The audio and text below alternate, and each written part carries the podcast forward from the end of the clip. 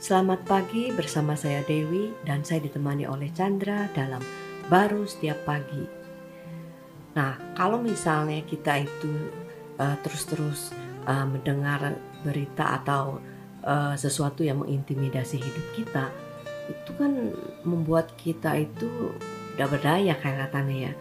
Kalau satu hari dengar ya apa-apa, dua hari, sepuluh hari, tapi ini kalau terus-terus-terus dan itu menjadi uh, bagian dari hidup kita itu kita kayak covid ini aja gitu loh.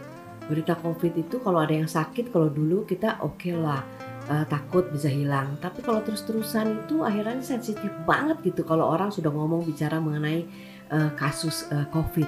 Nah, kejadian itu ada juga di dalam 1 Samuel 17 ayat 16 dikatakan, Orang Filistin itu maju mendekat pada pagi hari dan pada petang hari Demikianlah ia tampil ke depan 40 hari lamanya. Ya, kalau kita lihat itu sama aja nih kayak peristiwa sekarang kan pagi, siang, malam beritanya COVID-19. Iya, si orang Filipin itu seperti kayak suara COVID itu kan. cuma bentuknya berbeda aja kan. Uh, cuma uh, di situ dia terus meneruskan uh, ya. uh, melihat besarnya uh, orang orang Filistin itu, iya, iya kan? Kalau uh, dia uh, ngelihat diri mereka ya tentu sangat amat terintimidasi, ya kan? Uh, mereka takut kan? Uh, kalah kan?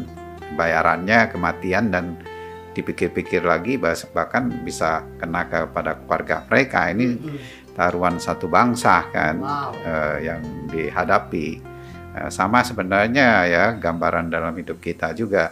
Kita itu eh, di lingkungan kita di dunia ini eh, selalu ada aja yang mengintimidasi kita. Hmm. Ya, apakah itu eh, perkara yang langsung kita hadapi, masalah keuangan, bisa masalah hubungan, hmm. bisa masalah kayak COVID ini, kesehatan. kesehatan.